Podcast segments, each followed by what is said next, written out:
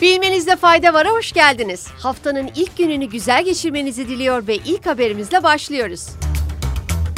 Avrupa'nın en büyük ekonomisine sahip Almanya'da 60 yılın ardından nükleer enerji dönemi sona erdi. Alınan karar ile ülkedeki 3 nükleer santralde tüm reaktörler devre dışı bırakıldı. Böylece Almanya'da elektrik üretiminde nükleerden çıkış süreci tamamlandı.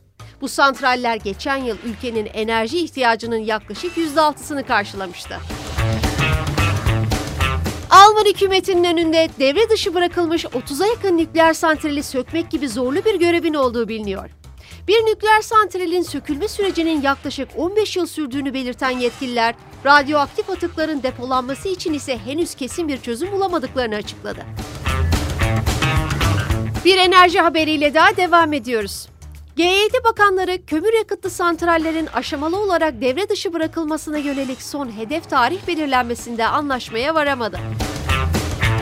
Yayımlanan ortak bildiriye göre G7 ülkelerinin 2035'e kadar tamamen veya ağırlıklı olarak karbondan arındırılmış bir elektrik sektörü oluşturulması taahhüdü yeniden teyit edildi.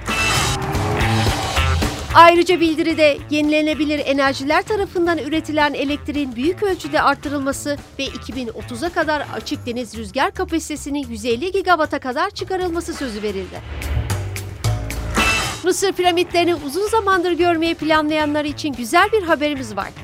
Türkiye'nin Kahire Maslahat Güzarı Salih Mutluşan sosyal medya hesabından yaptığı açıklamada Mısır'ın Türk vatandaşlarını kapıdan vize alma uygulamasını başlattığını duyurdu. Büyükelçi Şam paylaşımında konuya ilişkin detaylara yer vermezken Mısır'dan ise henüz resmi bir açıklama yapılmadı. Avustralya'da 19. yüzyıldan bu yana Melbourne ilk defa Sydney'i geride bırakarak ülkenin en kalabalık kenti oldu. Melbourne'ün dışındaki Melton bölgesinin kısa süre önce kent sınırlarına dahil edilmesiyle Sydney ülkenin en kalabalık kenti ünvanını kaybetti. İngiltere Kralı 3. Charles'ın taş giyme törenine ilişkin yeni bir açıklama yapıldı. Gelin tarihi etkinliğin detaylarını birlikte inceleyelim.